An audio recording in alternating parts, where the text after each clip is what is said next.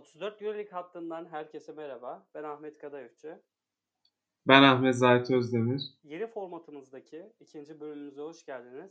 Abi hoş geldin. Nasılsın? Hoş bulduk Ahmetciğim. İyiyim. Sen nasılsın? Ben de iyiyim. Havalar burada biraz soğudu. Kalorifer yakmak için hala direniyoruz. Ee, elektrikli soba alacağım galiba. Yeni evimde soba yok bildiğin üzere. Biraz onunla idare Hadi edeceğim. bakalım.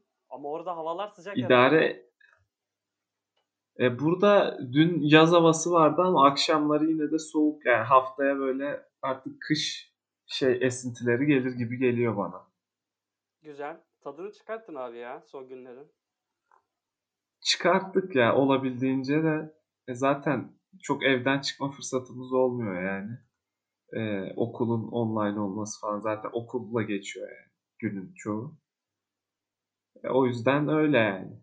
Çıkarabildiğimiz kadar çıkarttık tabii. Abi Euroleague'de Anadolu Efes bildiğin üzere maçını oynayamadı. Asfer'deki Covid-19 vakaları yüzünden. Fenerbahçe Panathinaikos deplasmanındaydı. Yani Fenerbahçe için pek hoş değildi. Tabii Efes için belki bu arada önce Efes hakkında bir yorum yapayım. Ee, kötü başlangıçlarından sonra yani bir anlamda şans gibi de değerlendirebiliriz bunu. Çünkü ha Asvel'e karşı ben Efes'in çıkışa geçebileceğini düşünüyordum ama belki de bu ara Efes oyuncuları için iyi olabilir. Ee, hani bir hatalarını görmek için bir zaman tanınmış oldu onlara. Bakalım onu da önümüzdeki hafta Olympiakos maçında göreceğiz. Larkin'in dönme ihtimali de var deniliyor. Ee, Efes adına hani değişik bir hafta oldu ama bence olumlu olabilir. Önümüzdeki hafta etkilerini göreceğiz onun da. Umarım görürüz. Ee, Fenerbahçe umarım görürüz dediğim gibi. Fenerbahçe'de pek hoş bir deplasman şeyine gitmedi açıkçası. Evet, Ne evet. diyorsun? Ne, ne düşünüyorsun? Çok tatsız bir maçtı. Ee, Fenerbahçe'nin en çok sayı yediği ve en az sayı attığı maçtı bu sezon. Ve bu takım Panathinaikos. Yani bu sezonki Panathinaikos ortada. Hafta içi aslında bu maç bir e, fırsat olarak görüyor, görülüyordu yani şu anlamda. E, rakibin önemli savunmacılarından biri yok. Papa Petru. Fenerbahçe'de 2'de Evet. 2 yaptıktan sonra 2 mağlubiyet aldı. Ondan sonra tekrar bir çıkışabilir mi, e, çıkışa geçebilir mi bu maçtan sonra gibi kamuoyunda bir fikir oluşmuştu ama hiç öyle olmadı. Yani Evet. Fenerbahçe'nin e, en net yenildiği maç diyebiliriz. Ya e, burada tabii şöyle bir şey var. Papapetrus sadece en iyi savunmacı olarak en ön plana çıkan oyuncu değil. Aslında tam tersine hücumda daha çok ön plana çıkıyordu. Yani Panathinaikos'un bu sezon iddialı olmamasını da hani ön plana çıkan oyuncunun onu, o olmasından dolayı açıklayabiliyorduk. Ee, ve Papapetru ilk 3 maçta hani bir tane de Asfer'le maçlarını oynayamadılar. Bundan önceki 3 maçta maç başına 12.6 top kullanıyordu. Yani e, Panathinaikos adına önemli bir silahtı. Ha tabii ki verimi tartışılır ama ben şey havasını sezdim yani coaching olarak Kokoşkov ve ekibi adına. Yani sanki Papapetru'lu maçları izledikleri için ne Nedovic'e ne Sykes'a ne uzunlara ne Senrus'a yani herhangi bir Panathinaikos oyuncusuna yeterince hazırlanılmış hissi vermedi açıkçası bana e, koç ekibi. Yani e, tabii ki maç içinde Kokoşkov'un atılması e, daha sonra işte ikinci yarı boyunca Erdemcan'ın e, takımın başında olması ya bunlar hep farklı şeylerdi. Hele de deplasmanda adapte olması kolay bir iş değildi tabii ki ama e, baktığımız zaman maç öncesindeki hazırlıklarını oyun planının yeterince e, tatmin edici olduğu bir durumda böyle olacağını düşünmüyordum ben. Çünkü baktığımız zaman Efes maçında Larkin yoktu ve Fenerbahçe muazzam hazırlanıp Efes'e karşı önemli işte Misic ve Simon. Zaten Efes'in de formda olmamasından dolayı Misic ve Simon'u sıkıştırarak sürekli tuzaklı savunma yaparak e, Efes'i sindirdi Fenerbahçe ve o maçı kazandı bir şekilde. Yani Panathinaikos'ta e, en ön plana çıkan Nedovic'e bu, bu savunmayı belki 10 dakika yapsa bile Fenerbahçe oradaki enerjiyle birlikte hücumunu da toparlayacaktı. Yani e, ne diyorsun yani bu savunma hakkında? Ee, yani Fenerbahçe'nin öncelikle skor anlamında bu kadar düşük kalmasının sebebi bu geçen hafta yenildiği iki maçta da bunun biraz sinyallerini şu anlamda verdiler. Fenerbahçe'nin iki yaratıcısı da e, yan yana beraber iyi oynamadığı zaman birinden verim alamadığın zaman hücumda çok kitleniyor Fenerbahçe. Çünkü forvetlerine evet. baktığın zaman hiçbiri kendi pozisyonunu yaratıp e, bitirecek oyuncu oyuncular değil. EuroLeague'de çok fazla böyle oyuncu yok. Ama e, mesela Chris Singleton'ın, James Anderson'ın zaman zaman şutuna güvenebiliyorsunuz. Şengelya zaten e, çok yönlü bir oyuncu. Ama Fenerbahçe'nin e, tam olarak uzunlara diyemeyeceğim. Daha çok forvetleri diyeceğim. Hani bazı işleri iyi yapan oyuncular. Böyle her evet. şeyden biraz yapan oyuncular değiller. Ya bunu eleştiri anlamında söylemiyorum oyuncu tipi olarak. Böyle olunca Hı-hı. kısaların onları yönlendiremediği anlarda bu oyuncuların da verimi ister istemez düşüyor. Bu bence e, bu maçın hücum kısmı için e, en çok göze çarpanıydı. E, Panathinaikos cephesinden Nedovic'in performansı ya dediğin gibi Kokoşkov da beklemiyordur ki Nedovic'den bağımsız bir Panathinaikos'a hazırlık da göremedik. E, hal böyle olunca böyle bir fark oluşması yani kaçınılmazdı maç içinde. Ee, evet yani sen hücumdan bahsettin biraz yani De Colo'nun kötü oyunundan bahsetmiş oldun aslında. Hani yan parçalar ve De Colo'yu bir arada ele aldın. Ee, ki e, Fenerbahçe hücum anlamında gerçekten de e, en tutuk maçını oynadı. Yani baktığımız zaman Brown ve Ahmet ikilisi zaten e, Ahmet'in sayıları da genelde Brown'la oynadığı ikili oyunlardan da hani bu ikili iki oyuncu dışında e, Fenerbahçe bir hücum opsiyonu yaratmakta çok güçlük çekti. Yani ne Ulanovas'ın sırtı dönük bir oyunu, ne Bartel'in sırtı dönük bir oyunu, ne Veseli'yi pas istasyonu olarak kullanma, ne transition oyunu oynayabilmek ki e, bu noktada çok önemli bir istatistik var. Maça gelirken bu iki takım Euroleague'in ilk haftalarda en çok rebound alan iki takımıydı. Yani bu maçta rebound önemliydi çünkü iki takım da bu reboundlarla yaşıyor. E, baktığımız zaman bu maçta Panathinaikos 38, Fenerbahçe 29 rebound aldı. Yani aslında reboundları kontrol eden takımın Panathinaikos olması ki hücum reboundları da Fenerbahçe'ye zarar verdi Panathinaikos'un. E, bu durum Fenerbahçe'nin ritme girmesine engelledi. Yani bir kere geçiş oyunu opsiyonunu ortadan kaldırdı ki Fenerbahçe'nin kolay bulduğu sayı yok gibi bir şey bu maçta. Ee, ya hücum tarafı dediğim gibi ben de bunları ekleyebilirim ama savunma tarafına bir, birkaç şey eklemek istiyorum. Ee, ya ikinci yarı boyunca Nedovic'i, Bokoridis'i veya Sykes'ı yani tüm kısaları Panathinaikos'ta Bartel ve Ahmet savundu. Yani resmen o kadar şaka gibiydik yani şey gibi böyle maç eşleşmesinde onlar eşleşmiş gibiydi. Yani hiçbir mücadele etmeden switch yapmak Bartel ve Ahmet gibi uzunlarla bence hiç mantıklı değil. Ee, ki burada hani e, şunu da söylemek gerekiyor. Maçın başında Fenerbahçe ikili oyunlarda değişmemeye çalışıyordu. Yani e, kısanın yani şey perdeden sonra kısa tekrardan adamına dönmeye çalışıyordu. Uzun içeri dönmeye çalışıyordu ve bunda maç başında çok başarısız oldu Fenerbahçe. E, baktığımız zaman Dekolo üstünden e, sayı yedik. İşte Brown bir iki kere adamını kaçırdı. E, derken e, bu konuda mu- muhtemelen Erdemcan'ın da etkisi oldu ama soyunma odasında Kokoşkov'un da etkisi olmuş olabilir. E, burada şunu gördük. Tamamen hiçbir ne sıkıştırma ne show up hiçbir şey yapmadan Fenerbahçe uzunları kısaya işte kısalar uzuna direkt switch yapmaya başladılar. Ve böyle olunca da hani Panathinaikos'un yani Koç Bovoras'ın yaptığı tek şey muhtemelen e, bir perde alıp e, Nedovic'e Sykes'a oynatmak oldu. Ki orada bir de şöyle akıllıca bir hamle yaptılar.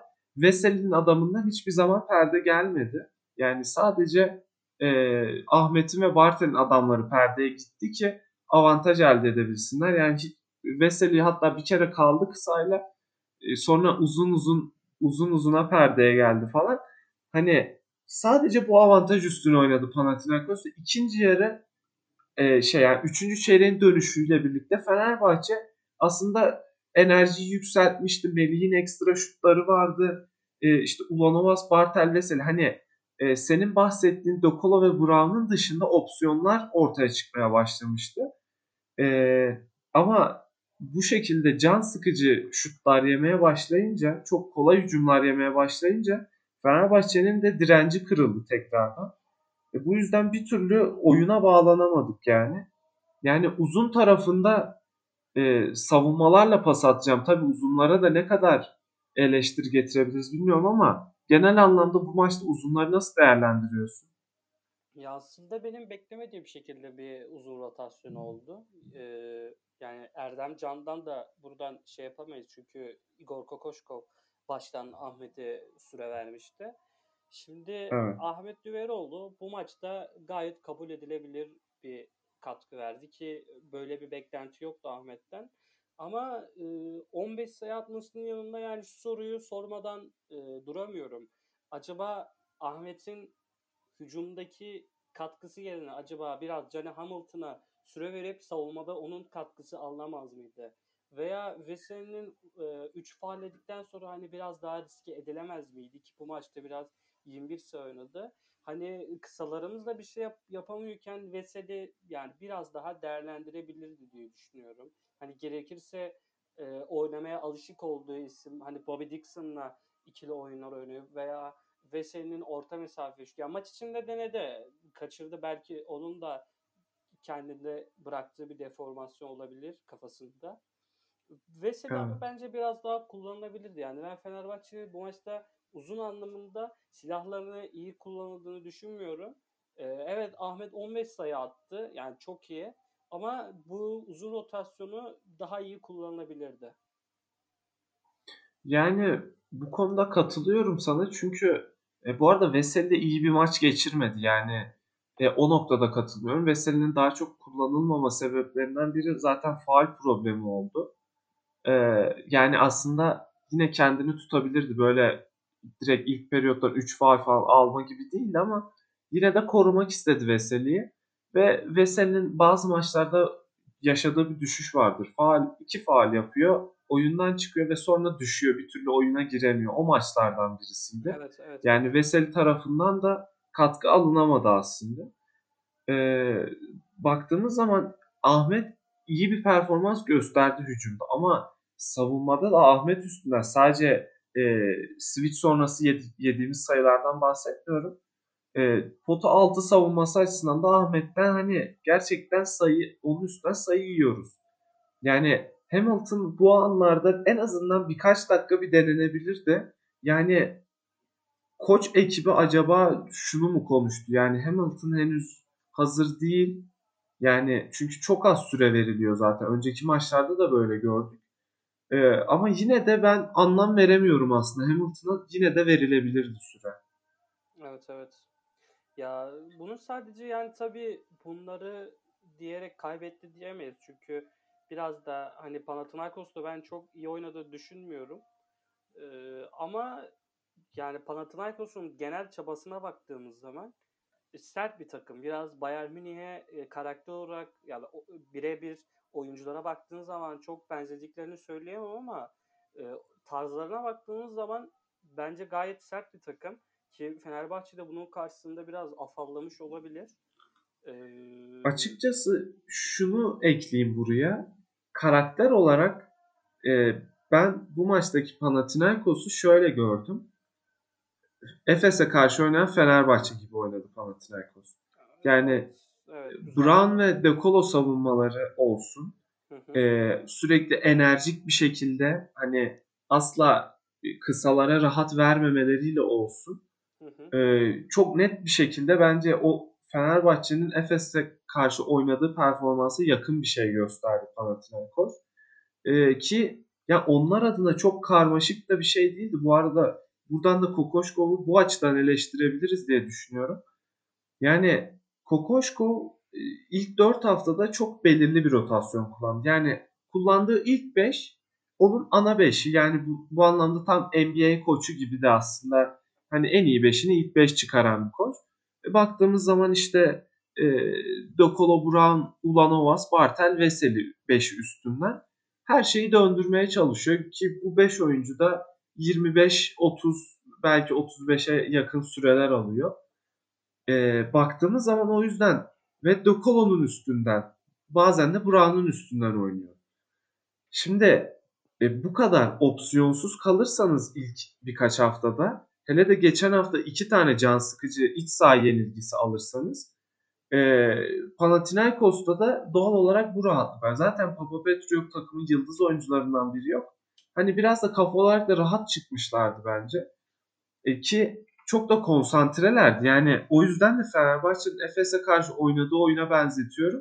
Çok konsantrelerdi. Yani Vovoras'ın bir açıklaması var. Ee, bir kilit nokta olarak pas aralarını gösteriyor. Yani maç içinde diyor 30'un üstünde para, pas arası yaptık. Hani topları kestik diyor. Çalma olarak değil ama topları kestik, dokunduk diyor. Ee, yani baktığımız zaman Panathinaikos bu anlamda zaten Fenerbahçe'yi yıldırdı. Ama e, Fenerbahçe hani az önce Kokoşkova eleştirdiği maçı şeydi. Opsiyonsuz kalmak. Aslında yine de opsiyonu var. Çok fazla opsiyon var ama o opsiyonların yani. hepsini kullanmamak. Evet. Öyle söyleyebilirim. Yani mesela Bartel'i e, oynadığı sürelerde biz ne kadar kullandık? Yani baktığımız zaman Danilo Bartel 22 dakika süre aldı. Ama biz onun oyun e, onun üstünden ne yaratmaya çalıştık? Evet, evet. Yani bence bir şey yoktu. E, baktığımız zaman e, Döşampierre aslında benim bu maç hakkında olumlu geçen hafta çünkü eleştirmişti onun hücumda e, bir şey katamamasını. E, bu hafta 4 asisti var. Çok gözüme çarptı. Hem post-up'tan olsun hem forvetlerden, kanatlardan olsun. E, güzel geri geldi ikili oyun oynadı. Geri geldi pası indirdi. E, Pierre'e o yüzden bir ünlem koymak gerekiyor tabii. Burada bir Pierre'le Pierre'den bahsetmişken ben de yani e, ilgimi çeken bir şey söyleyeceğim. Abi Pierre Tabii. 5'te 0 atmıştı 3 sayıdan ilk 4 maçta. Bu maç bir tane evet. üçlük attı ve üçlük ilk 4 maçta yakaladığı boş şutların aksine topu yere vurdu ve step back yapıp attı. Çok da dengeli bir şut değildi. Bu evet. Çok dengesiz bir şuttu. Biraz dikkat et. yani abi sen ne yapıyorsun? Diğer maçlarda niye yapmıyorsun? olayım falan. Ya belki de hani bu maç onun için dönüm noktası olabilir üçlük anlamında ki yani sırtı dönük oyunlarda olsun kanatlardan topu içeri indirme olsun dediğim gibi hücumda Pierre aslında hoşuma gitti benim. Zaten e, savunmada en istikrarlı performans gösteren oyunculardan bir tanesi şu ana kadar. E, yani Fenerbahçe adına bu maç iyi olarak sayabileceğimiz bir yol vardı. Bir de herhalde Lorenzo Brown'un e, nispeten iyi oyunu diyebiliriz. Tabi tercih anlamında bir Dokolo olamaz. Yani zaten Dokolo'nun kötü oynaması da Fenerbahçe'yi çok şey yaptı, e, eksik bıraktı. Ama Lorenzo Brown'un performansı en azından ümit verdi diyebiliriz herhalde. Evet yani bu Başka değerlendirmek istediğin hangi oyuncu var? Edi'ye ne diyorsun mesela? Ya Edi de, senle de konuşmuştuk e, kayıttan önce. Evet. Edi şut atarsa, şutlarını sokarsa gayet iyi. Şut kaçırırsa ama bu noktaya geliyor. Çünkü savunma yapabilen bir oyuncu değil. Topu getirip götürebilen, top sürebilen bir oyuncu değil. Topla penetre edebilen bir oyuncu değil. E, haliyle Edi'nin sadece şutuna bakıyorsunuz. Onları da kaçırınca olmuyor. Yani bu maç eksi 3 verimlilikle oynadı. 8'de 2 üçlük attı. Ya. 25 yani şutör için çok da kabul edebileceğiniz bir yüzde değil. Ya aslında şöyle bir şey söylemek istiyorum burada. Yani Edi'nin kullandığı şutlar dünyanın en iyi şutları değildi tabii ki ama e, bunun nedeni sadece Edi değildi. Yani e, bu anlamda bir kez daha koçları eleştirmem gerekiyor. Çünkü bundan önceki haftalarda ne kadar olumlu görüyorsam Kokoşkov ve ekibini bu maçta da o kadar e, can sıkıcı oldu. Tabii ki hani bu sürekli hale gelebilecek bir problem olarak düşünmüyorum. Sadece e, hazırlıksız yakalanılan hoş bir anı olarak kalmayacak bir maç oldu. Çünkü gerçekten Panathinaikos'a karşı oynanan, oynanan oyunun bu olması üzdü yani taraftar ve basketbol severleri. E, mesela Edi tarafında da şey var. Yani 8'de 2 üçlük attı ama attığı üçlüklerin hepsi doğru şutlar değildi bana kalırsa. Ee, burada hem onun tercihleri bir yana hem de onun üstüne çizilen setlerin oynanmaması bu maçta. Yani zaten e, eleştirmemiz sebebi de bu. Yani Ulan, Ulanovas maçın başında 1-2 ikili oyun oynadı. 1-2 post-up galiba post-up yapmadı ama 1-2 ikili oyununu hatırlıyorum. Ama onun haricinde bir şey yaratmaya çalışmadık ondan. Yani bunu yapmazsak Ulanovas'ın bize getireceği avantajı kullanmazsak e, icabında eksi de yazabilir Ulanovas. Çünkü e, atletizm olarak çok da ön plana çıkan bir oyuncu değil bana kalırsa. Yani baktığımız zaman değinebileceğim ne var diye düşünüyorum. Ekleyeceğim bir şey var mı Ahmet senin? Yani ekleyeceğim bir şey koç takımı daha iyi tanıyacak. Yani bu ana rotasyonu gittikçe daha belir, belirli olacaktır. Ondan sonra Panathinaikos'la belirli olmasından ziyade esnek olması gerekiyor aslında. Zaten çok belirli ama esnekleşecektir evet, yani. Evet evet. Panathinaikos açısındansa e, kendilerinin oynadığı basketbolun çok farkındaydılar ya bu maç. Yani hani sert olduklarının çok farkındalardı. Koç devre arasında da söyledi. İşte agresifliğimiz önemliydi diye. Nedovic de aynı şey söyledi. Evet. Agresifliğimizle ve fiziğimizle bu farkı oluşturduk dedi. Ee, burada da şunu söylemeden edemeyeceğim. Hakemlerle alakalı bu Panathinaikos'un sert oyununa müsaade etti hakemler yani. Bu biraz daha önü kesilebilirdi. Yani maç sonunda Fenerbahçe e, Panathinaikos faal problemine girdiği için daha rahat edebilirdi. E, belki skor bu kadar farklı olmayabilirdi Panathinaikos kazansa bile. Ki haklı olduğu pozisyonlar da var. Şimdi Kokoşko ikinci çeyreğin sonlarına doğru maçtan atıldı. ikinci teknik faalini alıp. Bunda evet. da hakem etkisi olduğunu düşünüyorum. Yani yeni gelen bir koç bu kadar isyankar olmaz yani hakeme. Yani koç bir şey görüyor ki o reaksiyonu veriyor ister istemez. Ki ya orada biraz yapıyor yani bunu bir yerden sonra. Evet yani orada biraz şöyle bir şey vardı.